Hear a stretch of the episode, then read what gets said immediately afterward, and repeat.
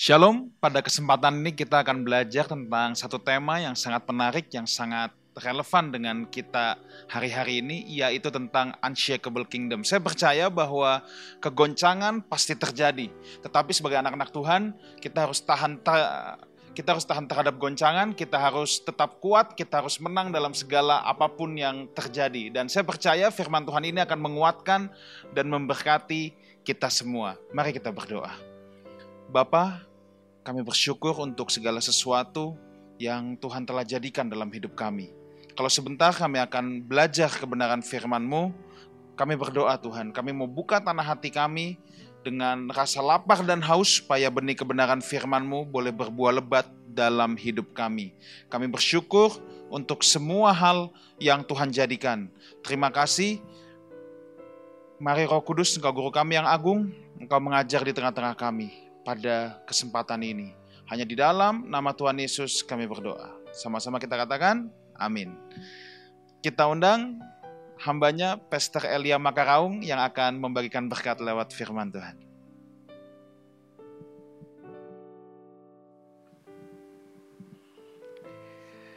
Shalom Bapak Ibu Saudara, saya percaya di mana pun uh, saudara berada, saudara adalah orang-orang yang diberkati oleh Tuhan. Amin.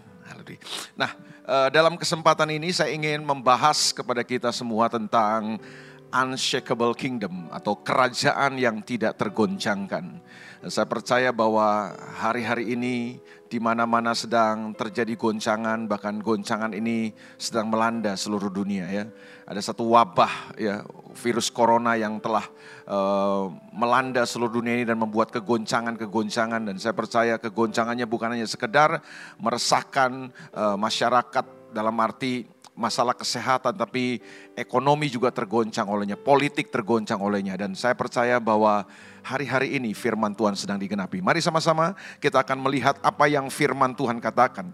Jadi sebenarnya sebagai orang percaya, sebagai umat Tuhan, uh, tidak ada sebenarnya yang mengejutkan yang terjadi dalam dunia ini karena Tuhan sudah bicara lewat firman-Nya. Mari kita lihat bersama-sama di dalam Ibrani pasal yang ke-12, ayat yang ke-26 sampai ayat yang ke-28 saja. Mari kita lihat. Atau mungkin sampai ayat yang ke-29 biar lebih bagus. Ibrani pasal yang ke-12 ayat yang ke-26 sampai ayat yang ke-29. Firman Tuhan berkata begini, waktu itu suaranya menggoncangkan bumi, tetapi sekarang ia memberikan janji satu kali lagi aku akan menggoncangkan bukan hanya bumi saja, melainkan langit juga. Saya berhenti dulu di ayat yang ke-26 untuk memberi penjelasan ini kepada saudara bahwa perhatikan baik-baik. Ayat 26 ini memberitahu kepada kita waktu itu suaranya menggoncangkan bumi, tetapi sekarang ia memberikan janji. Jadi kita percaya bahwa Tuhan itu tipikal bukan seperti kita yang kalau janji terus bisa mengingkari. Dunia ini banyak sekali mengatakan bahwa lain di bibir, lain di hati, memang lidah tak bertulang ya kan, manis di bibir tapi tidak bisa menepati. Nah, Tuhan kita bukan Tuhan yang tipikal model seperti itu. Tuhan kita adalah Tuhan yang kalau dia berjanji pasti akan menggenapi. Dan yang kita perlu tahu hari ini, janji Tuhan itu bukan hanya sekedar dia pasti memberkati kita, dia akan menyembuhkan sakit penyakit kita. Tapi dalam ayat ini atau dalam konteks ini firman Tuhan berkata Tuhan memberikan janji. Dan saya percaya janji Tuhan itu ya dan amin. Janji Tuhan itu pasti akan digenapi. Nah janjinya adalah ia akan menggoncangkan segala sesuatu. Ayat ini berkata satu kali lagi aku akan menggoncangkan bukan hanya bumi saja melainkan langit juga. Jadi kita mengerti bahwa lewat firman Tuhan ini Tuhan ingin katakan bahwa ada waktunya, ada masanya. Dan saya percaya inilah masanya di mana Tuhan akan menggoncang segala sesuatu. Semua yang ada di bumi, bahkan bukan hanya di bumi, di langit juga Tuhan akan goncangkan semuanya. Ekonomi akan digoncangkan, politik akan digoncangkan, semua kehidupan sosial masyarakat akan digoncang semua. Bahkan termasuk mungkin hal-hal yang sifatnya agama juga akan digoncangkan. Nah apa maksud daripada goncangan-goncangan ini? Kita perlu mengerti bahwa Tuhan kita adalah Tuhan yang tidak pernah melakukan sesuatu atau tidak pernah mengizinkan sesuatu terjadi tanpa maksud. Jadi Tuhan kita bukan Tuhan yang suka iseng gitu. Sudah tahu iseng ya? Iseng itu kita mengerjakan sesuatu tanpa maksud. Nah, Tuhan kita bukan Tuhan yang tipe seperti itu. Tuhan kita bukan Tuhan model kayak begitu. Nah, kalau dia lakukan sesuatu, kalau atau dia izinkan sesuatu terjadi, itu dia punya maksud biasanya, dia punya rencana. Nah, apa maksud Tuhan?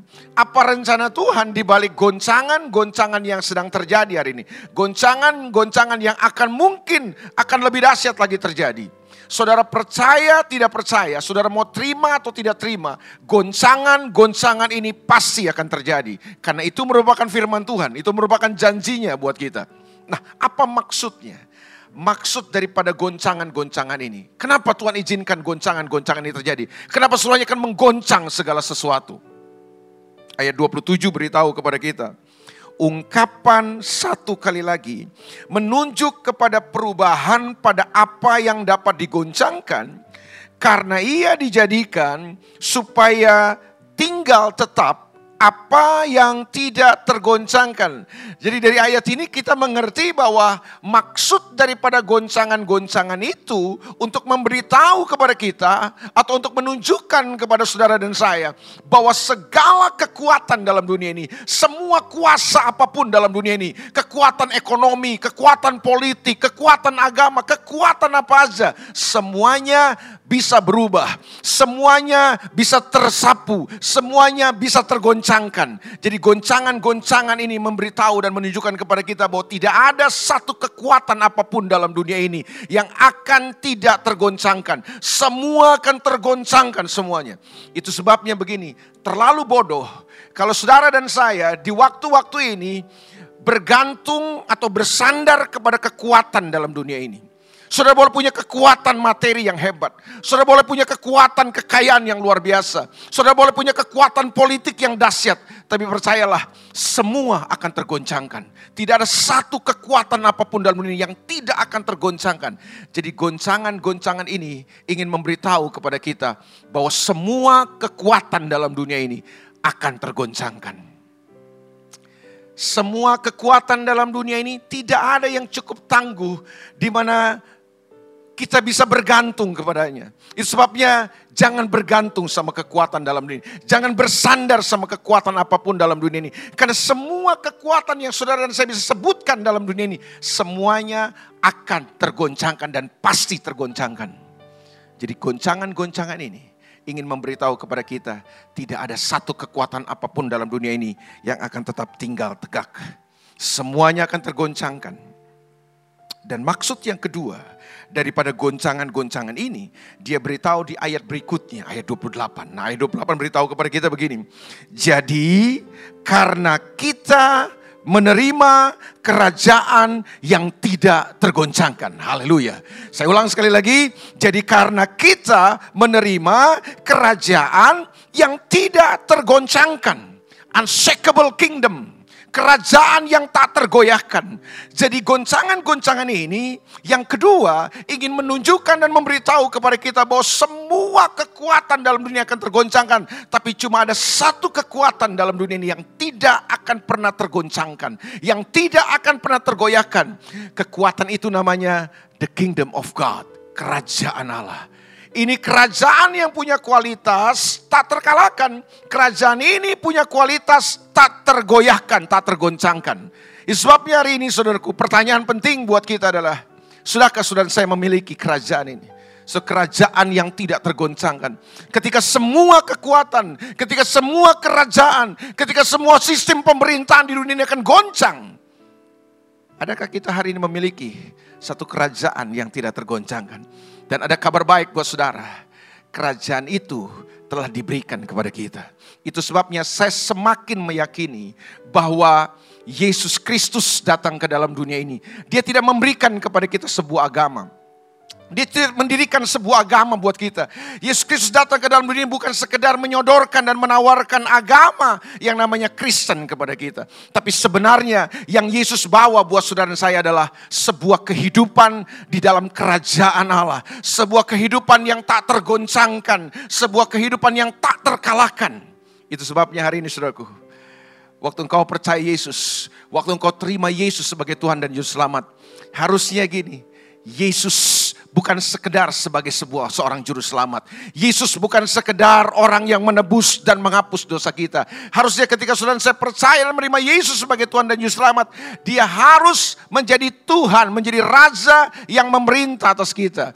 Harusnya adalah kita adalah orang-orang yang hidup di dalam sistem pemerintahan Tuhan karena kerajaan itu bicara tentang sistem pemerintahan. Nah, ada banyak orang Kristen yang tidak bisa membedakan antara sorga dan kerajaan sorga. Karena kita sering kali berpikir bahwa gini, Yesus datang ke dalam dunia ini, dia selamatkan saudara saya, dia mati di kayu salib cuma untuk memberikan sorga buat kita.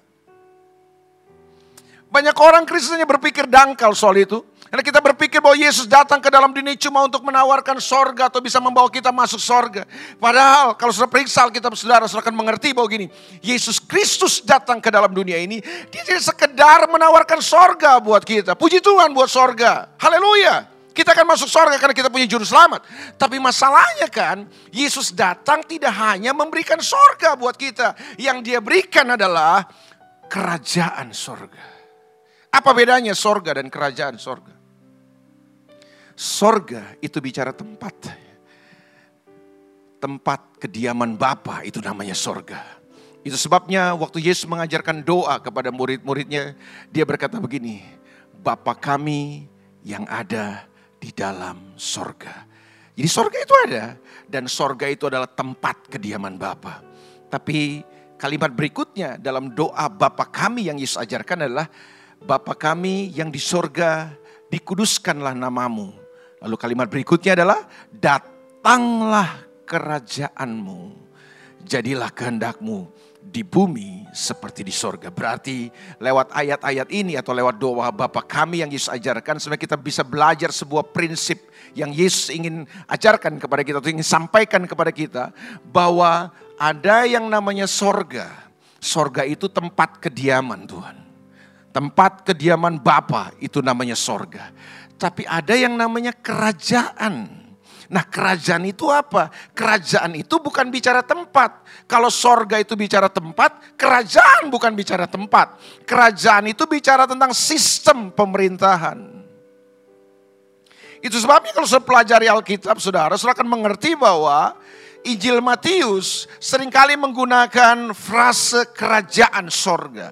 Tapi Injil-Injil yang lain atau surat-surat Paulus lebih menggunakan istilah atau frase kerajaan Allah. Itu sebenarnya kan mengacu kepada sebuah pengertian yang sama. Kerajaan sorga, kerajaan Allah. Kerajaan sorga banyak ditulis oleh Injil Matius karena dalam sejarah penulisannya, Injil Matius ditulis untuk kalangan Yahudi. Itu sebabnya Matius mengganti frasa kerajaan Allah dengan kerajaan sorga. Karena buat orang Yahudi tidak boleh menyebut nama Tuhan dengan sembarangan. Tapi inti yang mau disampaikan adalah bahwa waktu Yesus berkhotbah, ke mana saja dia berkhotbah, Matius berkata gini, yang dia beritakan adalah kerajaan sorga. Bertobatlah sebab kerajaan sorga sudah dekat. Dia tidak menyampaikan bertobatlah sebab sorga sudah dekat. Bukan. Nah, Yesus Beritakan adalah bertobatlah sebab kerajaan sorga sudah dekat. Artinya begini, yang Yesus mau bawa kepada manusia bukan sekedar sorga sebagai tempat kediaman Bapa, tapi yang dia mau tawarkan kepada umat manusia adalah sebuah kehidupan di dalam sistem pemerintahan Tuhan. Sebuah sistem pemerintahan Tuhan yang memerintah, yang berdaulat, yang bisa mendominasi kehidupan kita. Di mana waktu Tuhan memerintah hidup kita, waktu sistem pemerintahnya terjadi dan berlaku dalam hidup kita, Tuhanlah sebagai penguasanya. Kehendak Tuhanlah yang harusnya terjadi dan terlaksana dalam kehidupan kita. Itu maksudnya. Jadi Yesus ingin membawa kita untuk masuk kembali menjalani sebuah kehidupan di dalam kerajaannya. Artinya gini, dia yang menjadi Tuhan, dia yang menjadi raja, dia yang menjadi penguasa yang memerintah kehidupan kita. Dan hal kita berkata gini, kalau Tuhan yang memerintah hidup kita. Roma pasal yang ke-14 Ayat yang ke-17 berkata bahwa gini, kerajaan Allah itu bukan soal makanan dan minuman, tapi soal kebenaran, soal damai sejahtera, dan soal sukacita yang dikerjakan oleh Roh Kudus. Dalam terjemahan firman Allah yang hidup dikatakan ini, kerajaan Allah itu bukan soal apa yang kau makan, apa yang kau minum. Tapi kerajaan Allah itu bicara gini, di mana orang kalau diperintah hidupnya oleh Tuhan, kalau Tuhan memerintah hidup seseorang, maka yang dia lakukan adalah kehendak Allah. Dia memiliki damai sejahtera ketenangan dalam hatinya dan sukacita yang dikerjakan oleh Roh Kudus. Jadi jelas buat kita. Waktu Yesus datang ke dalam dunia ini, yang dia tawarkan buat kita, itu bukan sekedar masuk sorga. Betul bahwa kita akan ke sorga. Tapi bukan sekedar masuk sorga yang dia berikan. Yang dia berikan kepada saudara saya adalah sebuah kehidupan di dalam kerajaannya. Berarti apa itu kerajaan? Kerajaan itu simpelnya adalah gini kan, sebuah kehidupan di mana bukan diri kita lagi yang memerintah. Sebuah kehidupan bukan lagi sistem dunia ini yang memerintah kita, tapi sebuah kehidupan yang diperintah oleh Tuhan dan kehendaknya. Waktu kita hidup dalam kerajaan Allah, kita artinya hidup di bawah sebuah sistem, sebuah nilai di mana Tuhan dan firmannya, kehendaknya, itu yang mendrive kehidupan kita, yang memandu kehidupan kita, yang menuntun kehidupan kita. Dan itu yang kita kerjakan. Itu sebabnya inilah yang Ibrani katakan, jadi karena kita menerima kerajaan yang tidak tergoncangkan. Haleluya. Berarti waktu saudara dan saya hidup di dalam pemerintahan Tuhan. Kalau kerajaan itu ada dalam hidup kita.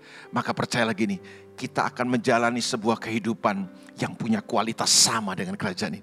Kita punya kualitas kehidupan tak terkalahkan.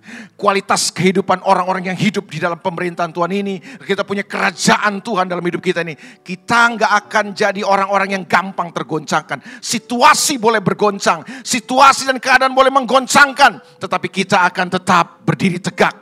Kenapa? Karena kita telah menerima kerajaan yang tidak tergoncangkan. Haleluya. Sudah hari ini saudara ada dalam kerajaan yang tak tergoncangkan itu? Selamat datang dalam kerajaan yang tak tergoncangkan itu. Saya percaya di tengah-tengah dunia yang sedang menggoncangkan hari ini. Kalau saudara dan saya memiliki kerajaan Allah. Tuhan yang memerintah hidup kita. Maka saya percaya kita tidak akan bereaksi salah dalam kehidupan. Ketakutan bukanlah reaksi daripada orang-orang yang hidup dalam kerajaan Allah. Kerajaan Allah punya reaksi, dia katakan gini, jadi karena kita menerima kerajaan yang tidak tergoncangkan, marilah kita apa katanya? Mengucap syukur dan beribadah kepadanya, kepada Allah menurut cara yang berkenan kepadanya dengan hormat dan takut. Sebab Allah kita adalah api yang menghanguskan. Saya percaya goncangan-goncangan ini terjadi cuma untuk menunjukkan dan membuktikan sebenarnya kualitas kita seperti apa. Itu sebabnya saya yakin, saya percaya kalau saudara dan saya adalah orang-orang yang hidup di dalam pemerintahan Tuhan. Kalau pemerintahan Tuhan nyata dalam hidup kita. Tuhan dan firmannya yang mendominasi kehidupan kita. Yang memerintah kehidupan kita. Maka reaksi kehidupan kita akan muncul seperti yang firman Tuhan katakan. Kita akan jadi umat-umat yang bukan mengeluarkan kata-kata yang penuh ketakutan. Kita akan jadi orang-orang yang tidak menyebarkan ketakutan buat sekeliling kita. Tapi kita akan jadi orang-orang yang terus mengucap syukur dalam kehidupan kita. Hari-hari ini, apa yang keluar dari hidup saudara, itu akan menunjukkan sebenarnya apa yang ada di dalam saudara. Saya pernah lihat odol atau pasta gigi ada merek. Macam-macam lah itu mereknya ya. Ada Pepsodent, ada Close Up, ada Colgate, ada macam-macam. Nah pertanyaannya gini, waktu saya kasih kepada saudara, saya berikan kepada saudara sebuah pasta gigi, kemasan pasta gigi. Dari mana saudara tahu bahwa di dalam kemasan yang saya kasih itu dalam sebuah barang dengan kemasan pasta gigi yang saya berikan itu kepada saudara, itu di dalamnya benar-benar odol, benar-benar pasta gigi. Atau jangan-jangan di dalamnya saus tomat. Bagaimana caranya saudara? Caranya adalah saudara tekan, saudara buka tutupnya, saudara tekan, dan waktu saudara tekan, yang keluar apa? Isinya apa? Kalau isinya pasta gigi, ah itu berarti itu pasta gigi yang asli berarti. Bukan sekedar kemasannya. Tapi memang kemasan dan isi sama. Tapi kalau yang saudara tekan, waktu saudara tekan, yang keluar sos tomat, ha, itu jangan-jangan itu pasta gigi palsu itu. Kemasannya pasta gigi, dalamnya sos tomat. Saya khawatir hari ini. Tapi sekaligus saya juga yakin hari-hari ini ketika goncangan-goncangan ini terjadi. Ada sebuah pressure yang sedang menekan kita. Tapi tahukah saudara, tekanan-tekanan, goncangan-goncangan itu bagus. Sekaligus untuk membuktikan kualitas kita. Yang di dalam kita ini apa? Unshakable kingdom, kerajaan yang tidak tergoncangkan. Yesus dan pemerintahannya dalam hidup kita. Atau yang di dalam kita ini isinya lain. Isinya cuma dunia. Kemasannya aja Kristen. Kemasannya aja mungkin Yesus, tapi dalamnya nggak ada Yesus yang memerintah. Ah, goncangan-goncangan ini akan beritahu buat kita. Yang di dalam kita ini apa? Makanya saya percaya umat-umat dari kerajaan Allah. Umat dari kerajaan yang tidak tergoncangkan ini. Orang-orang yang telah menerima kerajaan yang tak tergoncangkan ini. Di mana Yesus Kristus memerintah dalam hidup kita. Maka waktu goncangan datang, yang keluar justru adalah ucapan syukur. Ucapan syukur akan keluar dalam hidup kita, lewat kehidupan kita untuk memuliakan Tuhan. Jadi sebenarnya gampang. Lihatlah kualitas orang ketika tekanan datang, goncangan datang. Yang keluar dari hidupnya apa? Cuma kata-kata ketakutan kah? Reaksi-reaksi ketakutan kah?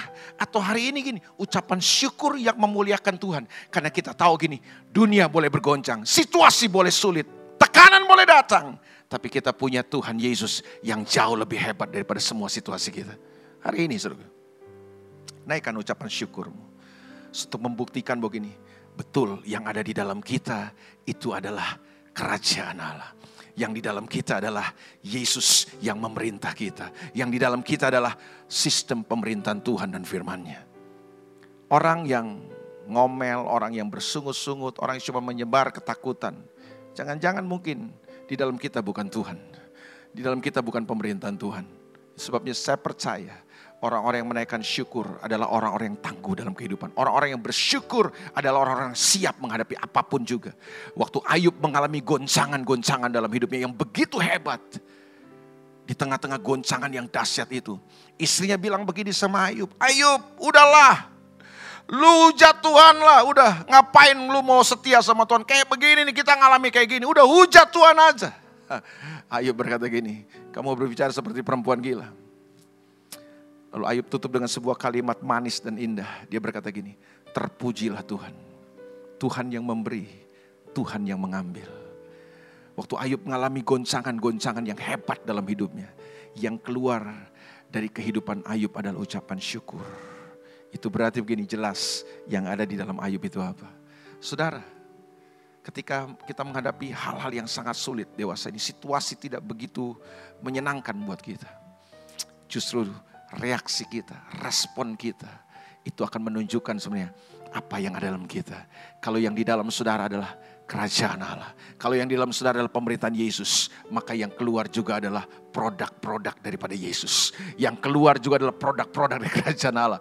Waktu saudara mengucap syukur, tahukah saudara, ucapan syukur yang kita naikkan itu menandakan begini, kita sedang berkata, Tuhan, Engkau Allah yang kudus, Engkau bertata di atas ucapan syukur umatnya kata Alkitab. Dan waktu kita mengucap syukur sesuai dengan firman Tuhan, dia bersemayam, dia bertata di atas pujian dan ucapan syukur umatnya. Berarti orang yang bersyukur sedang membangun tahta buat Tuhan. Sedang berkata begini, Tuhan apa pun yang terjadi, situasi boleh sulit. Tetapi aku percaya engkau Tuhan Raja yang berdaulat dan memerintah kehidupan.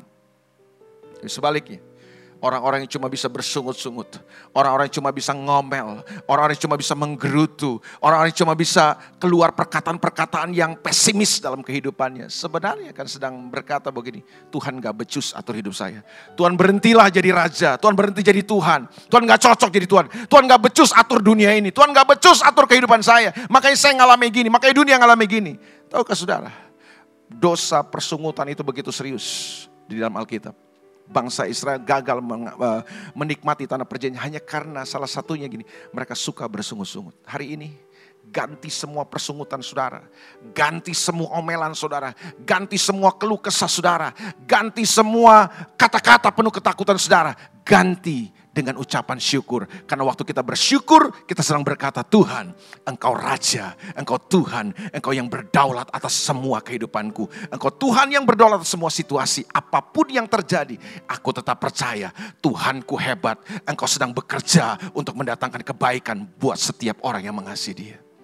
Saya percaya itulah reaksi yang akan keluar dari umat kerajaan. Yang kedua, Alkitab berkata dalam ayat 28 ini, jadi karena kita menerima kerajaan yang tidak tergoncangkan, marilah kita mengucap syukur dan beribadah kepada Allah menurut cara yang berkenan kepadanya dengan hormat dan takut. Perhatikan. Yang kedua, reaksi dan cara hidup orang-orang yang punya pemerintahan Tuhan dalam hidupnya, yang punya unshakable kingdom dalam kehidupannya.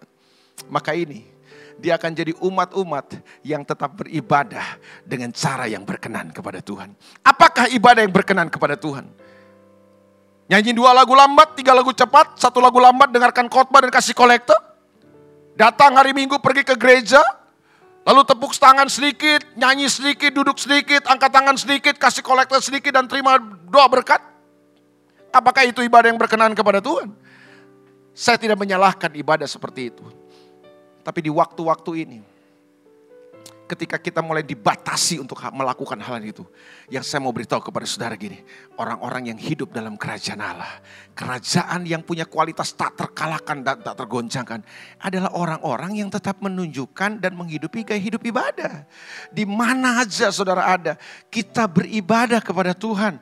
Kita beribadah bukan hanya dalam ruang-ruang gereja kita, kita beribadah bukan hanya sekedar dalam ruang-ruang kebaktian kita kan, kita beribadah kepada Tuhan dalam seluruh kehidupan kita. Saya percaya waktu kita datang ke gereja hari Minggu, kita nyanyi dua lagu lambat, memuji Tuhan, itu juga ibadah. Saya percaya, saya tidak ingin berkata bukan itu bukan ibadah.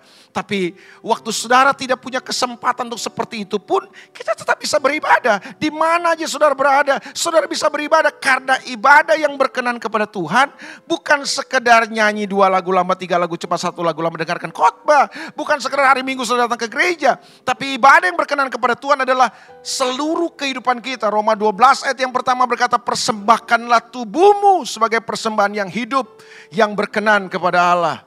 Maksudnya apa? Biar tubuh kita ini menjadi pelaksanaan daripada kehendak Tuhan. Waktu tubuh kita menjadi tempat pelaksanaan kehendak Tuhan, itu ibadah. Yakobus pasal 1 ayat yang ke-27 berkata bahwa gini, ibadah yang murni dan tak bercacat kepada Tuhan adalah mengunjungi yatim piatu, janda-janda dalam kesusahan mereka. Wah mungkin saudara sudah berpikir gini yang pria-pria ini, waduh bagus juga nih ya. Ini saatnya kita akan mengerjakan ibadah yang murni dan berkenan kepada Allah. Kita mengunjungi Yunisara, kita mengunjungi siapa lagi? Janda-janda ya. Bukan itu tentunya maksudnya. Ibadah yang murni dan tak bercacat di hadapan Tuhan adalah mengunjungi janda-janda yatim piatu, itu maksudnya gini, pada zaman Yakobus menulis surat itu, janda-janda dan yatim piatu itu adalah mewakili kelompok-kelompok yang terpinggirkan. Kelompok-kelompok yang terabaikan, termarginalisasi. Jadi waktu kita tolong orang-orang, waktu kita bantu orang-orang susah di saat-saat seperti ini, itu merupakan ibadah kepada Tuhan. Bantu orang, tolong orang. Hari-hari ini situasi ini, wabah corona ini membuat orang terisolasi. Dan saya cuma memberitahu gini, jangan pikir diri saudara sendiri. Jangan cuma pikir kepentingan saudara sendiri. Mari ini saatnya apa yang saudara bisa bantu, saudara bantu bantu orang. Ada orang-orang yang mungkin terdampak dengan dengan keadaan-keadaan ini. Ekonomi mereka terpuruk, penghasilan mereka terpukul dan lain sebagainya. Ini saatnya gereja jangan mengisolasi diri. Kita perlu uh, mengikuti anjuran pemerintah. Kita perlu uh, ikut kepada uh, apa yang dianjurkan oleh tenaga-tenaga kesehatan. Boleh aja, tapi jangan sampai gini. Itu juga mengisolasi ibadah-ibadah kita.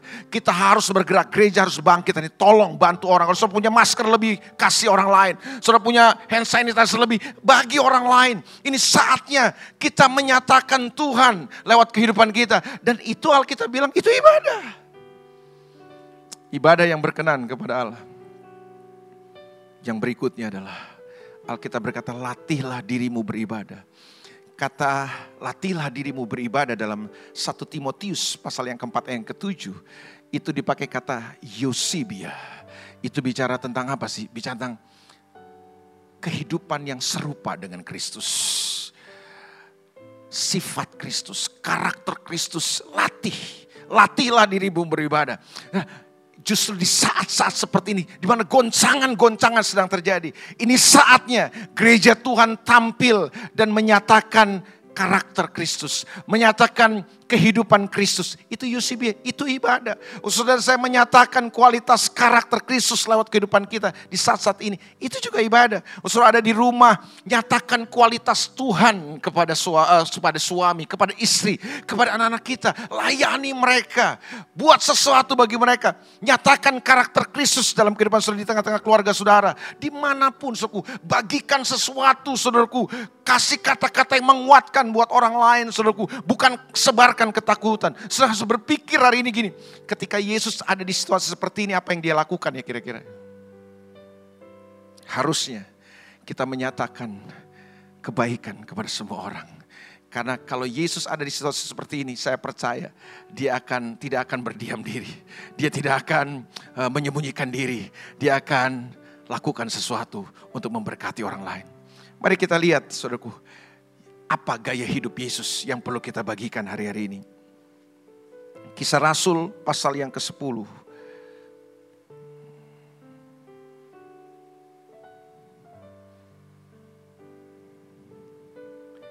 Kisah Rasul pasal yang ke-10. Ayat yang ke 38 mungkin. Yes. Kisah Rasul pasal 10 ayat 38. Firman Tuhan berkata gini. Yaitu tentang Kristus dari Nazaret. Saya ulang sekali lagi, yaitu tentang Kristus dari Nazaret. Bagaimana Allah mengurapi dia dengan roh kudus dan kuat kuasa. Dia yang berjalan berkeliling sambil berbuat baik dan menyembuhkan semua orang. Haleluya. Jadi Yesus dia bagikan kebaikan. Dia sebarkan kebaikan. Dia lakukan kebaikan buat semua orang. Dia sembuhkan orang-orang yang terikat, yang sakit dan lain sebagainya. Saya percaya di saat-saat seperti ini. Di saat goncangan demi goncangan sedang terjadi. Ketika goncangan sedang melanda dunia. Semua tergoncangkan. Ini saatnya umat kerajaan Allah. Mari kita tetap beribadah kepada Tuhan Jangan sampai spirit ibadah kita menjadi lemah, menjadi menjadi loyo. Ini justru saatnya, saudaraku, orang-orang yang hidup dalam kerajaan Allah, kalau pemerintahan Tuhan ada dalam hidup saudara, maka silakan jadi orang-orang yang tidak akan pernah berhenti. Situasi bisa membatasi kita, tapi spirit untuk kita beribadah kepada Tuhan tidak akan pernah padam. Karena ibadah yang berkenan kepada Tuhan bukan hanya kita lakukan di gedung-gedung gereja kita sudah saatnya hari ini gereja berubah dalam cara berpikir bahwa kita akan mengerjakan ibadah kita dalam seluruh kehidupan kita. Bukan hanya dalam gedung-gedung ibadah kita, bukan hanya dalam hari minggu dua jam, tapi kita akan beribadah kepada Tuhan dalam seluruh kehidupan kita. Waktu kita menjadikan tubuh kita sebagai tempat pelaksanaan kehendak Tuhan, itu adalah ibadah yang sejati. Waktu kita bantu orang-orang yang susah, orang-orang yang sedang terdampak, orang-orang yang sedang kebingungan dan putus asa, kita bantu mereka. Itu adalah ibadah yang murni dan tak bercacat di hadapan Tuhan. Waktu kita melatih kehidupan kita. Supaya kemudian dari hidup kita yang muncul adalah karakter Kristus, sifat Kristus, kualitas Kristus. Maka kita sedang melakukan ibadah. Eusebia. Hari ini. Percayalah. Ayat 29 bilang ini. Sebab Allah itu api yang menghanguskan. Saudara tahu? Api. Tuhan kadang-kadang datang sebagai uh, digambarkan sebagai sesuatu yang lembut. Tapi ayat ini berkata gini, Tuhan itu api yang menghanguskan. Salah satu yang saya pelajari dari fungsi api adalah waktu emas itu masuk ke dalam dapur api. Maka api itu membakar emas ini bukan untuk menghancurkannya, tapi justru api itu akan semakin memurnikan emas itu sehingga emas itu semakin murni. Waktu dia masuk dalam api emas itu, maka api ini akan menyingkirkan semua unsur yang bukan emas. Sehingga emas itu menjadi emas yang murni. Saya percaya goncangan-goncangan ini terjadi. So kemudian gini, yang bukan dari Tuhan, yang melekat dalam hidup kita yang bukan berasal dari Tuhan. Semua unsur yang bukan dari Tuhan dalam hidup kita. Semuanya akan tergoncangkan. Semuanya akan sirna. Supaya yang ada di dalam hidup kita cuma hal-hal yang tidak tergoncangkan. Hal-hal yang kekal. Hal-hal yang berasal dari Tuhan. Itulah yang tidak akan tergoncangkan. Alkitab berkata, dunia ini sedang lenyap dengan semua yang ada di dalamnya. Tetapi orang yang melakukan kehendak Allah akan tetap hidup untuk selama-lamanya. Selamat datang di dalam unshakable kingdom, kerajaan yang tidak tergoncangkan. God bless you, Tuhan berkati saudara. Mari kita berdoa. Hambamu terbatas Tuhan untuk menyampaikan kebenaran ini. Tapi hari ini hamba berdoa supaya di mana pun umatmu berada hari ini. Di mana pun umatmu mendengarkan firman Tuhan ini. Hamba berdoa supaya ada hati-hati yang terbuka. Dan firmanmu menerobos. Firmanmu yang bagaikan pedang bermata dua itu datang menembus seluruh kehidupan kami roh kami jiwa kami. Sehingga firmanmu datang membangkitkan kami memurnikan kami memperbaiki kami meneguhkan kami menyembuhkan kami memulihkan kami sehingga apa yang bukan berasal dari Tuhan, unsur-unsur yang bukan dari Tuhan, yang masih melekat dalam diri kami, dalam hati kami, dalam pikiran kami, supaya Tuhan datang seperti api yang menghanguskan semuanya, menggoncang semuanya, sehingga yang tertinggal, yang cuma ada dalam hidup kami adalah hal-hal yang berasal dari Tuhan, hal-hal yang tidak tergoncangkan. Dan kerajaanmu adalah kerajaan yang tidak tergoncangkan. Hamba berdoa Tuhan, teguhkan umatmu ada satu dua mungkin yang sedang mengalami ketakutan yang luar biasa hari ini. Hamba berdoa di dalam nama Yesus. Supaya hari ini imanmu bangkit. Tuhan datang, anugerahmu sentuh mereka. Bangkitkan iman mereka. Topang mereka, teguhkan mereka. Supaya mereka hari ini punya keberanian untuk tidak terpuruk iman mereka. Iman mereka tidak menjadi lemah, tapi iman mereka bangkit firman Tuhan membangkitkan iman mereka untuk tetap berkata di tengah-tengah situasi seperti ini, Tuhanku lebih besar daripada semua situasi ini. Tuhan, ajar kami terus bersyukur kepadamu. Karena ucapan syukur adalah hal yang memuliakan Tuhan. Ucapan syukur adalah senjata peperangan yang dahsyat. Waktu kami mengucap syukur, engkau akan turun sebagai pahlawan yang memberikan kemenangan buat kami. Menteraikan firmanmu, bagi Tuhanlah segala kemuliaan dari sekarang sampai selama-lamanya dalam nama Yesus. Amin. Amin. Tuhan berkati saudara.